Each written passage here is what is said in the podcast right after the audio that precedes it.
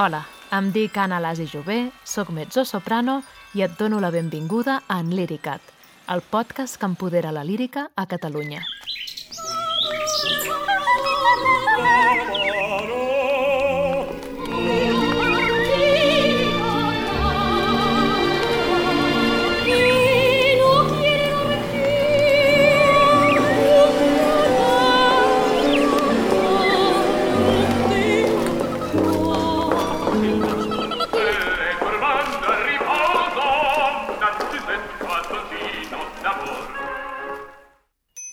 Si formes part de la comunitat lírica a Catalunya i et preguntes què és això d'empoderar-se, has arribat al podcast que t'acompanyarà a reflexionar-hi.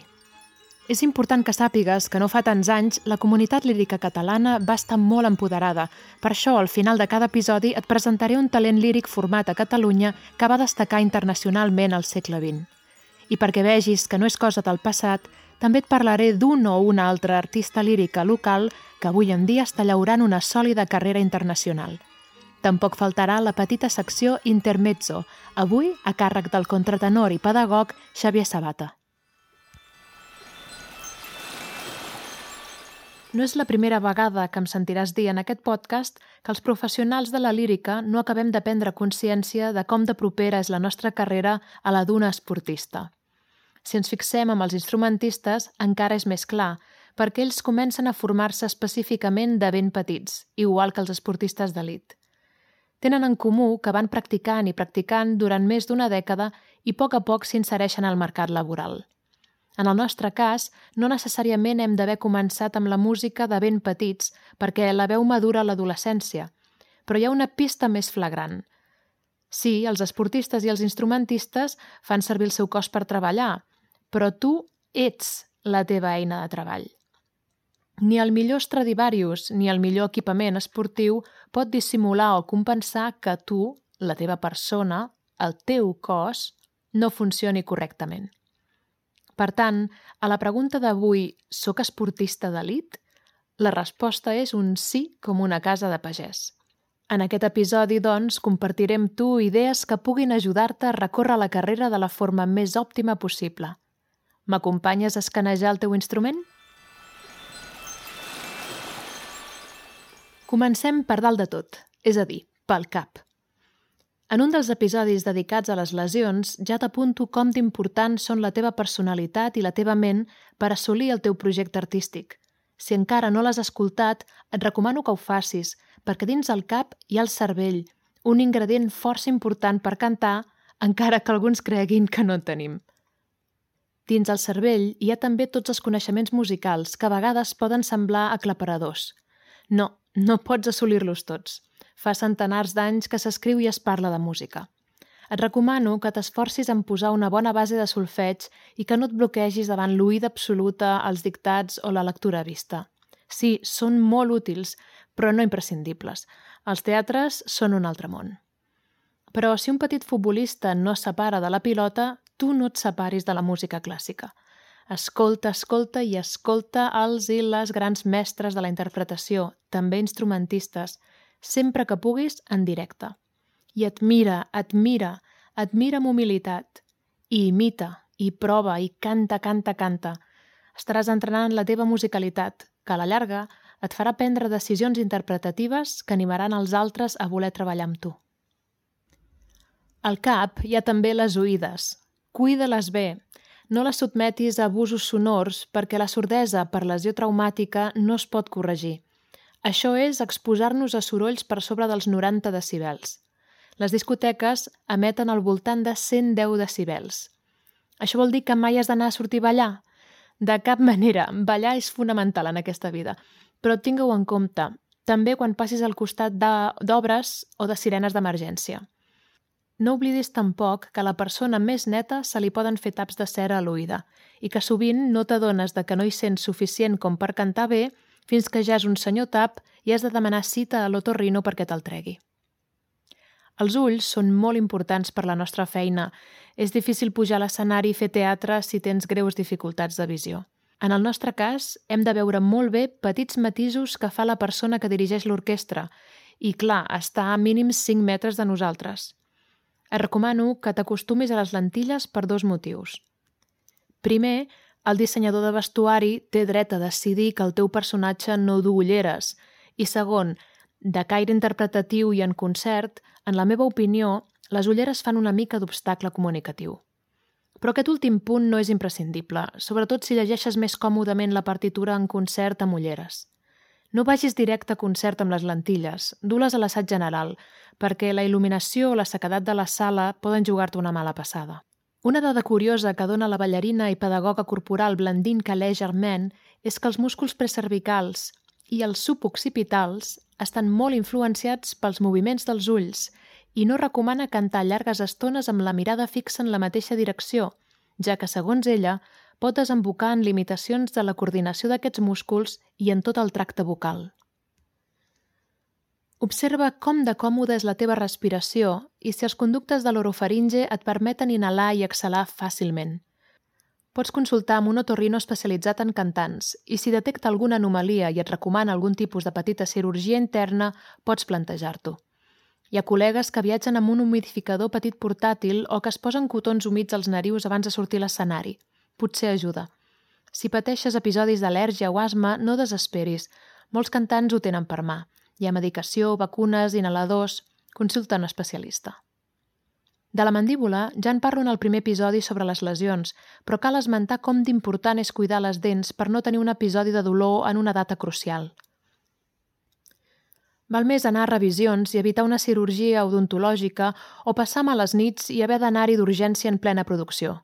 Jo mateixa vaig perdre una dent perquè un director musical no va entrar en raó. En general, la boca ha de ser un temple per tu, i també molt especialment la llengua, que és una de les baules més importants en l'emissió d'un so ben col·locat. Et cal una rutina d'estiraments i tonificació si vols arribar a passar una orquestra còmodament. Arribem al coll i el primer que cal tenir clar és la seva relació amb totes les parts que t'acabo de comentar. Les tensions a les cervicals es transmeten cap als músculs sota el cuir cabellut, cap a la mandíbula, les galtes, el paladar tou, el terra de la llengua i la pròpia llengua. I dins del mateix coll, els músculs insertats en la laringe, per tant, on descansen les cordes vocals. En resum, no et pots permetre tensions a les cervicals, que són les tensions més habituals de la humanitat. Apareixen de seguida si passes moltes hores en una cadira o banqueta estudiant o treballant a l'ordinador, però sobretot són psicosomàtiques de l'estrès, les preocupacions o l'ansietat, de les quals et parlo a l'episodi sobre lesions. El següent que ens trobem fent l'escàner és el tronc, i un cop més cal ser conscient de que el cos és una cadena complexa, tot està interrelacionat, ja t'ho deia en el primer episodi sobre les lesions. Les mateixes tensions a les cervicals que s'extenen cap al cap també s'extenen cap a les espatlles, però també se'n creen de noves per mala postura corporal. Quan arribis als 30 anys, però ho hauries de fer abans, el primer que t'has de regalar és un o una preparadora física que t'ensenyi a fer estiraments de tot el cos – però quan t'acostis als 40 hauràs d'afegir tonificació general. Aquestes rutines que són normers perquè no se t'espatlli la fonació o el sistema muscular de suport de la columna d'aire, i has d'afegir l'entrenament que t'ha d'ajudar a treure el màxim del teu instrument. El màxim no vol dir simplement molt volum. Vol dir un suport de l'aire que et permeti fer pianos, conduir el legato en la veu, fer diversos tipus d'atacs i sostenir llargues i intenses frases o coloratures. I sobretot, deixant pau la laringe perquè emeti tot el seu or. Siguin estiraments o tonificació, aquest entrenament ha d'incloure com a mínim els músculs del coll, que en són uns quants, els precervicals, els músculs dorsals, que són els petits al voltant de les vèrtebres i el dorsal llarg, el trapezi, els pectorals, els intercostals, els supracostals, l'iliocostal, el psoas, el recte major, el transvers i els oblics. I encara no he acabat la llista, que només som al tronc. També és molt útil tenir a mà una rutina d'estirament dels músculs interns del coll, dels quals està suspesa la laringe. Però aquesta rutina només te la sabrà donar algú amb coneixements de logopèdia. Al tronc tenim també la joia de la corona de la fonació, el diafragma, i és per ell que fem la meitat d'aquests exercicis. Ell necessita que l'engranatge del seu voltant funcioni amb flexibilitat, però també amb fortalesa. El diafragma també pot contracturar-se i tant pots anar que te l'estirin com aprendre a fer-ho a casa. El diafragma es tonifica més i més a mesura que cantem, però per què desgastar les cordes vocals si podem entrenar-lo en silenci a través de la respiració diafragmàtica? Com més fort estiguin el diafragma i els músculs que l'ajuden, més bon control tindrem del fiato. Sota el diafragma hi tenim les vísceres. Què tenen a veure l'estómac i els intestins amb cantar? Doncs moltíssim. Primer de tot, el diafragma interactua amb elles perquè les empeny cap avall. Si estan irritades, inflamades o inflades, el cos ens enviarà senyals de no molesteu que poden entorpir la columna d'aire. Segon, perquè la comunitat científica fa anys que ha acceptat la idea de que l'intestí és, entre cometes, el segon cervell, perquè els seus bacteris sintetitzen compostos neuroquímics que ajuden el cervell a gestionar la memòria, l'aprenentatge i el comportament, fins al punt que s'intueix que poden influir en l'ansietat i la depressió. Un bon funcionament del cervell i de l'absorció de nutrients és fonamental per un esportista d'elit. Per això et recomano que t'asseguris de que el teu intestí rutlla òptimament. No tens intoleràncies o pateixes irritacions o inflamacions. I tercer, encara que em faci ràbia i vergonya esmentar-ho, té a veure amb l'ingesta d'aliments, és a dir, amb el pes corporal. De debò que odio dir-te això, però el mercat és actualment despietat amb les dimensions corporals. Massa baixets, massa alts, poc musculats o massa grossos. Ràpidament ens troben una pega per no contractar-nos o la fan servir d'excusa. Si la teva opció vital és ignorar tots aquests prejudicis, tens tota la meva admiració i el meu suport. Si creus que és un aspecte més del repte de voler fer-te un lloc en el mercat de la lírica i estàs disposada o disposat a adaptar-t'hi, o fins i tot penses que et convé per motius de salut, et recomano que oblidis el concepte dieta. Passis a abraçar el de nutrició i, com en el punt anterior, consultis un especialista. La penúltima cosa que trobem al tronc és l'aparell excretor, que ens recorda que un cantant ha de posar molta atenció en beure aigua generosament al llarg del dia i procurar no patir estrenyiment. L'últim que trobem és l'aparell sexual i reproductor. Una vida sexual sana és bona per tothom, però per nosaltres especialment perquè les energies acumulades al baix ventre no ens fan cap favor per crear de la columna d'aire. La resposta sexual, que en realitat està escampada per tot el cos en cada centímetre de pell, allibera hormones de la felicitat que ens ajuden a portar millor l'estrès del nostre ofici. Cadascú ha d'observar-se quan i com li va millor tenir activitat sexual en relació a una actuació musical. He tractat la menstruació al capítol sobre lesions, encara que no ho és, i pot tenir aspectes molt positius. Simplement convé observar-la, portar un calendari del teu cicle i rebre assessorament si ho consideres. I finalment, si tens ganes de reproduir-te, escolta el desig i integra'l en el teu projecte vital i artístic. Ningú diu que serà fàcil, però segur que els col·legues et donaran consells per sortir-te'n i compensarà. En la meva opinió, el que compta és que cantant no boicotegi aspectes de la teva vida que tinguis clar que són per tu imprescindibles. Si reproduir-te no entra dins els teus plans, només t'aconsello que sigui perquè realment no connectes amb el rol de progenitor. Sí, és cert, el país no dona prou suport econòmic a estudiants de cant embarassades, té un sistema de quota d'autònoms inaudit a Europa, ens empenya molts a emigrar lluny del cercle de suport i el mercat profundament patriarcal no respecta el primer any de maternitat. Però donar la culpa al mercat o a l'ofici, si no és del tot cert, intueixo que a la llarga pot ser contraproduent. Com et deia a l'episodi sobre lesions, el millor és fer un camí d'autoconeixement i si arribes a la conclusió que no vols reproduir-te, abraça-ho sense complexes ni excuses. Criar és energia creadora i aquesta energia pot donar altres tipus de fills o de fruits. I ja que som a l'alçada del cul, pots afegir dos músculs més a la llista d'estirar i o tonificar, el glutis i el piramidal o piriforme. en part responsables del dolor de ciàtica o de la síndrome del piramidal, molt típic de quan ens passem hores estudiant una partitura o a l'ordinador, cercant repertori per un programa, buidant la safata d'entrada, redactant currículums, actualitzant la web, traduint poemes o llibrets, fent accions de promoció a les xarxes, cercant mànagers o gerents a qui escriure o apagant focs burocràtics. Vaja, unes quantes horetes que combinades amb estrès o ansietat poden ser letals. Creu-me, no hi ha inversió que s'amortitzi més ràpid que un bon matalàs que durant la nit ajudi la columna vertebral a recuperar la seva posició més natural. Personalment, quan dormo a casa, ho faig en un matalàs de molles de màxima duresa. Consulta la teva experta en teràpies manuals, que et sabrà dir què necessites i també sobre quin coixí. Paral·leles al tronc trobem les extremitats superiors, els braços. Com ens ha demostrat sobradament el gran baríton Thomas Quashoff, els braços i les cames no serveixen per cantar. Però són molt efectius a l'hora de molestar la fonació.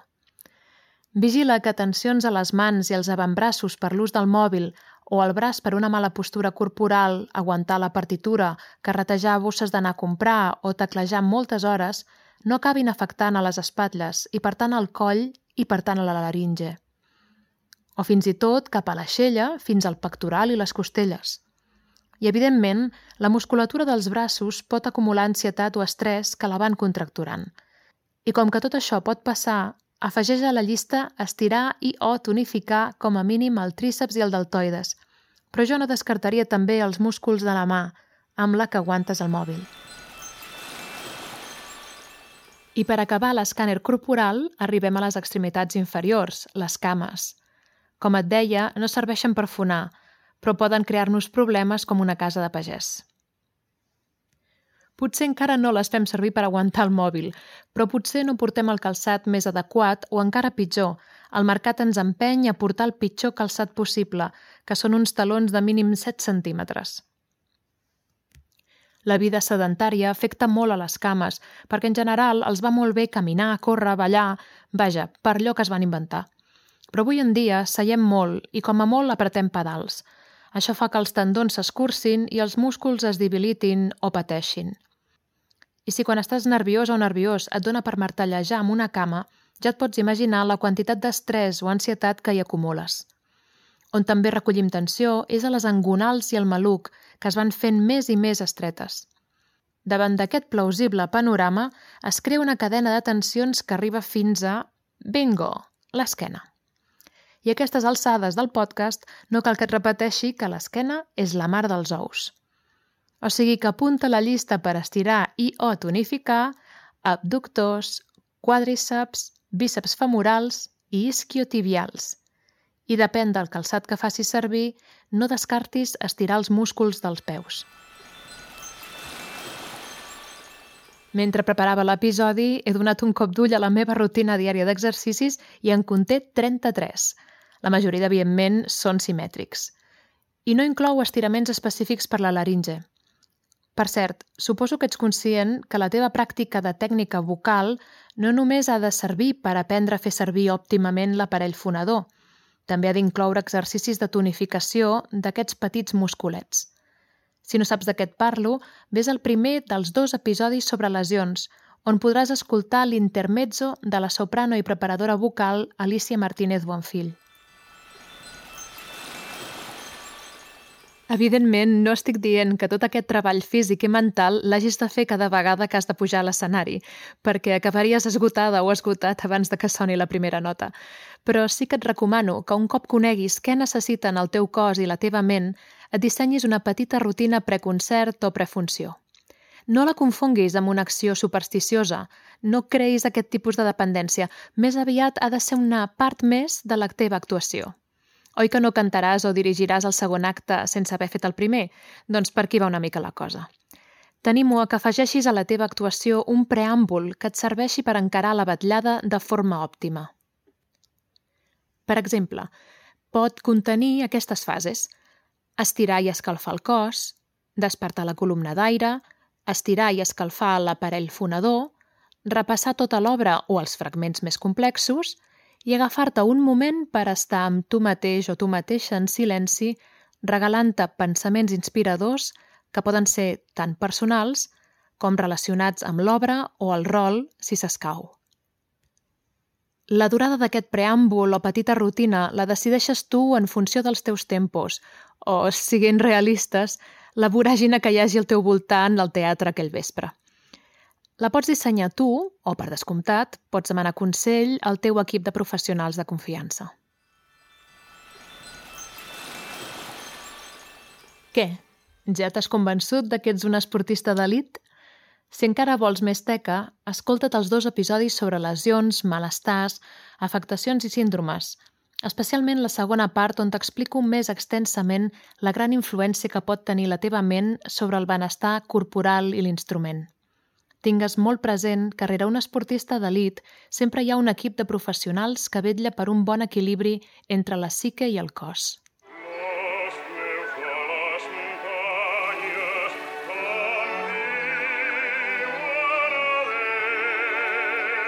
Ha arribat el moment de l'intermezzo d'avui i, com t'avançava, corre a càrrec del contratenor de Vià Xavier Sabata, que es va llicenciar a Barcelona en art dramàtic, saxòfon i cant històric. De seguida comprovaràs que les seves ganes de saber i descobrir són insondables i els últims anys ha assolit nocions sobre nutrició, activitat física i autoconeixement que aplica apassionadament sobre la seva carrera. Recentment ha obert nous camins com a pedagog vocal i director d'escena, però si vols saber més sobre la seva extraordinària faceta de cantant, pots escoltar el primer episodi d'aquest podcast on ja te'l vaig presentar. Et deixo amb les paraules que ha gravat per tu. L'instrument del cantant és el cos, i quan dic el cos també em refereixo a la ment. Per tant, tot allò que beneficia el cos també beneficia la veu, i tot allò que perjudica el cos també perjudica la veu. M'agradaria desgranar breument quins hàbits i disciplines m'acompanyen des de ja fa temps i m'ajuden a mantenir el meu instrument tan fresc, sa i flexible com sigui possible, sigui quina sigui l'edat en la que et trobis. És evident que l'envelliment és un fet indiscutible, però també és evident que hi ha moltes maneres d'arribar-hi. Sembla provat que tots tenim una càrrega genètica, però aquesta càrrega no necessàriament ens ha d'afectar si adoptem uns hàbits que la mantinguin a ratlla. I sembla provat també que és a partir dels 40 que aquests hàbits es fan molt més necessaris. Per entrar ja en matèria, proposo els següents apartats. Disciplines físiques. Si acceptem que el nostre instrument és el cos, sembla evident que dediquem temps a mantenir-lo sa i disponible per poder afrontar aquells reptes artístics que ens regali la nostra carrera. Després de provar forces disciplines diferents, en quedo amb tres. 1. Pilates. 2. Exercicis d'alta intensitat o HIIT. I 3. Dansa. En el meu cas, dansa contemporània. El pilates pot espantar una mica els cantants, ja que tenen por que tant treball d'abdominals els bloquegi el moviment del diafragma. És veritat que hi ha una tendència en, la, en el pilates més eh, clàssic a mantenir la caixa toràcica molt tancada, però jo aconsello a parlar amb l'instructor i ajustar-lo a les necessitats del cantant. Jo no he tingut mai cap problema i cap instructor s'hi ha oposat. A més a més, el pilates Proporciona un cos amb molt tònic i a la vegada amb molta flexibilitat. 2. El HIIT, o exercicis d'alta intensitat. S'ha demostrat que és, que és el tipus d'exercici més adequat a l'espècie humana, ja que manté la musculatura i el cor en forma. Pot espantar una mica d'entrada, però els resultats són increïbles. La tonicitat i les capacitats augmenten considerablement i, per tant, el cos combat un envelliment precoç. Un cop més, sempre s'ha de dialogar amb el professor, o bé l'instructor, per fer-ho bé, però això també passa en les nostres classes de cant, oi? 3. La dansa. No oblidem que el nostre treball és artístic i com a tant necessitem un instrument que pugui jugar a trobar material artístic més adequat pel tipus de producció que estiguem fent. Jo recomano la dansa contemporània pel seu equilibri del treball tècnic i de coneixement corporal i a la vegada el treball d'improvisació. Un cantant d'òpera necessita conèixer el seu cos al mil·límetre, necessita tenir una relació d'amor amb el seu cos i per tant l'ha de tractar i cuidar perquè duri el màxim de temps possible. Aquí també m'agradaria afegir l'hàbit que he assumit des de ja fa un temps d'anar caminant a tot arreu quan estic fent una producció. Així m'asseguro de fer una quantitat gran de quilòmetres diàriament. Hàbits alimentaris. No sóc nutricionista i aquí només compartiré el que a mi m'ha ajudat i ha anat bé per combatre els dos grans enemics del cantant, el reflux gàstric i la inflamació sistèmica. Després de patir i lluitar contra el reflux gàstric, he trobat una manera de tallar-lo d'arrel, adoptant un petit reajust alimentari. Tot això, evidentment, avalat per un professional. Es tracta d'una cura de 28 dies on s'elimina completament una llista d'aliments. Jo ho he fet i el reflux m'ha desaparegut completament. Si us interessa us deixo el llibre. The Acid Watcher Diet pel doctor Jonathan Aviv. És un doctor que també accepta consultes online. La inflamació sistèmica és el resultat d'una quantitat d'hàbits molt gran i és molt complexa, però el resultat de la qual és molt evident. Esgotament general, envelliment prematur i és la causa de moltes malalties greus, algunes de les quals cròniques. Ens hem acostumat a viure amb un grau d'inflamació sistèmica causada per la forma com vivim, on hi ha elements medioambientals i elements alimentaris que l'agreugen. Jo només vull compartir amb vosaltres que només eliminant tots els aliments processats i assumint una nutrició amb menjar real, molt baixa en carbohidrats refinats i eliminant tots els olis vegetals, el nivell d'energia general augmenta moltíssim. Els beneficis a mig llarg plaç són immensos. Quan dic oli vegetal, hi excloc l'oli d'oliva i l'oli de coco. Hi ha un tercer apartat que fa referència al treball amb la ment. No em veig en cor ni capacitat per parlar de salut mental, però sí de compartir com d'important és posar-hi atenció. El que sí que m'agradaria esmentar és que el treball sobre la concentració o el focusing, en anglès, és de gran importància per a la nostra disciplina. No només ens ajuda a fer bé el que volem fer, sinó que crea l'espai mental adequat perquè aflori el nostre art. Aquest apartat necessitaria un espai molt més gran per desenvolupar-se. Això sí, fugiu de la secció d'autoajuda de les llibreries o de solucions ràpides. El treball de l'artista, barra, artesà, és un treball a foc lent i un viatge d'autoconeixement que ens acompanya tota la vida. Per tant, val la pena fer-lo bé i a poc a poc.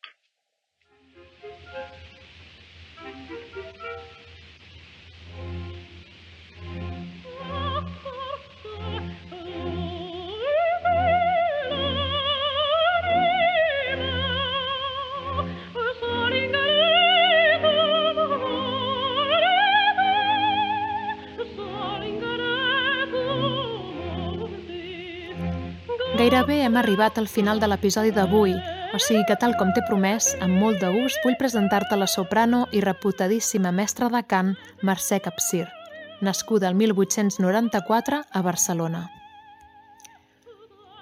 Es va formar amb Llorenç Parés i va debutar als escenaris operístics amb 17 anys interpretant la sonnàmbula de Vincenzo Bellini al Teatre Euterpe de Mataró.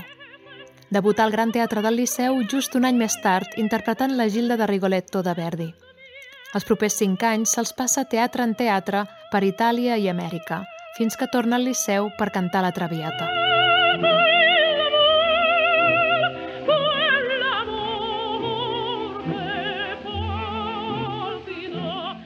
Va debutar al Teatre La Scala de la mà de Toscanini cantant Di Valkyrie, la seva veu d'extraordinària mobilitat, la seva sòlida tècnica, impecable dicció i un color cristal·lí la va dur als millors teatres d'Europa. Amb 35 anys, canta el rol de la mariscala a De Rosenkavalier, sota la batuta del mateix Richard Strauss. Però encara hi ha més. El rol d'Octavian el cantava la nostra Conxita Supervia, la qual et vaig presentar al primer episodi. Una veu indiscutiblement balcantista fa incursió en el repertori wagnerià també com a Elsa a Lohengrin a l'Arena de Verona. El 1945 es retira a Milà, on inicia una segona etapa de la seva carrera com a professora de cant, on va tenir com a deixebles destacats cantants com ara Anna Moffo, Fiorenza Cosotto, Renata Scotto, Alfredo Kraus, Bernabé Martí i la fantàstica soprano catalana Enriqueta Tarrés. El 1970, Capcir mor a la capital llombarda.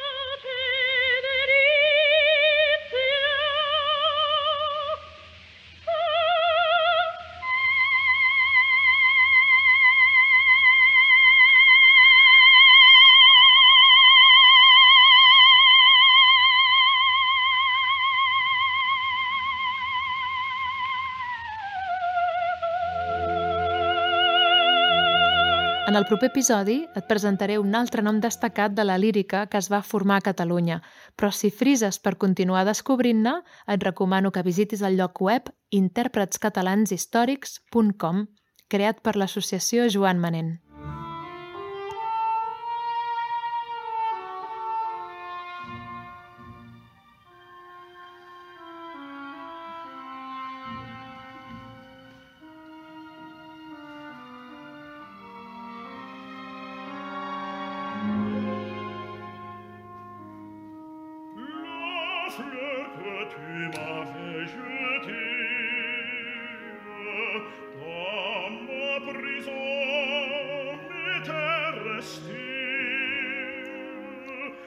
Aquest llegat no ha caigut en sac buit. Prova d'això és l'excel·lent carrera del tenor Xavier Moreno.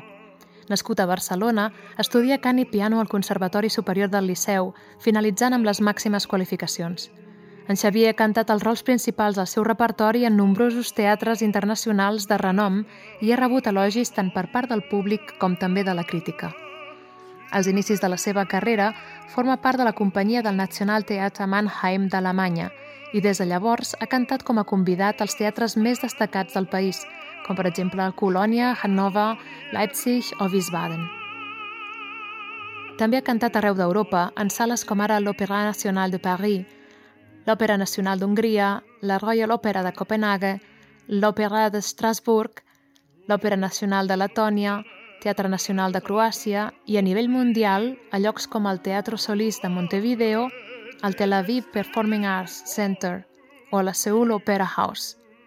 Malgrat no tan sovint com ens agradaria, també ha cantat al Gran Teatre del Liceu i al Teatre Real.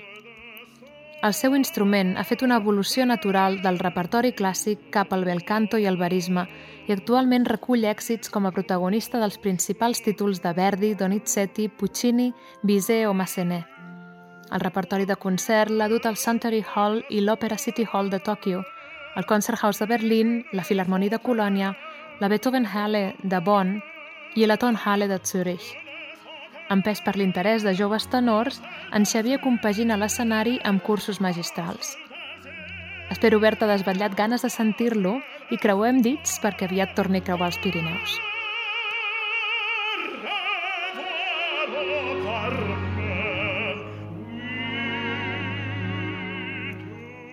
Ara sí, ja som al final de l'episodi d'avui en què he intentat convèncer de que ets un esportista d'elit. Ara és feina teva que s'ho creguin els teus amics i familiars. He compartit amb tu alguns consells sobre com treure el màxim profit del teu instrument, bàsicament fent el que fa un esportista d'elit, cuidar-se d'acord com li demana la seva fisiologia, seguir una rutina, fixar-se unes fites, imposar-se disciplina, fer petits sacrificis i continuar formant-se sobre la seva especialitat. I tot això ho fa envoltada d'un equip de professionals especialitzats en la tècnica del seu àmbit, en medicina, nutrició, teràpies manuals i psicoteràpia. Potser tots aquests consells sonen una mica abassegadors, però jo m'ho miro des d'un altre punt de vista. Som tan afortunades i afortunats de que el nostre ofici ens exigeixi fer tots els passos per acostar-nos a una vida lliure de dolor i una ment en pau. Desitjo que qualsevol empresa pensi el mateix dels seus oficinistes i les persones en alts càrrecs, perquè tot rutlla millor sense atacs de ciàtica, cefalees, lumbàlgia, hèrnies discals o irritació.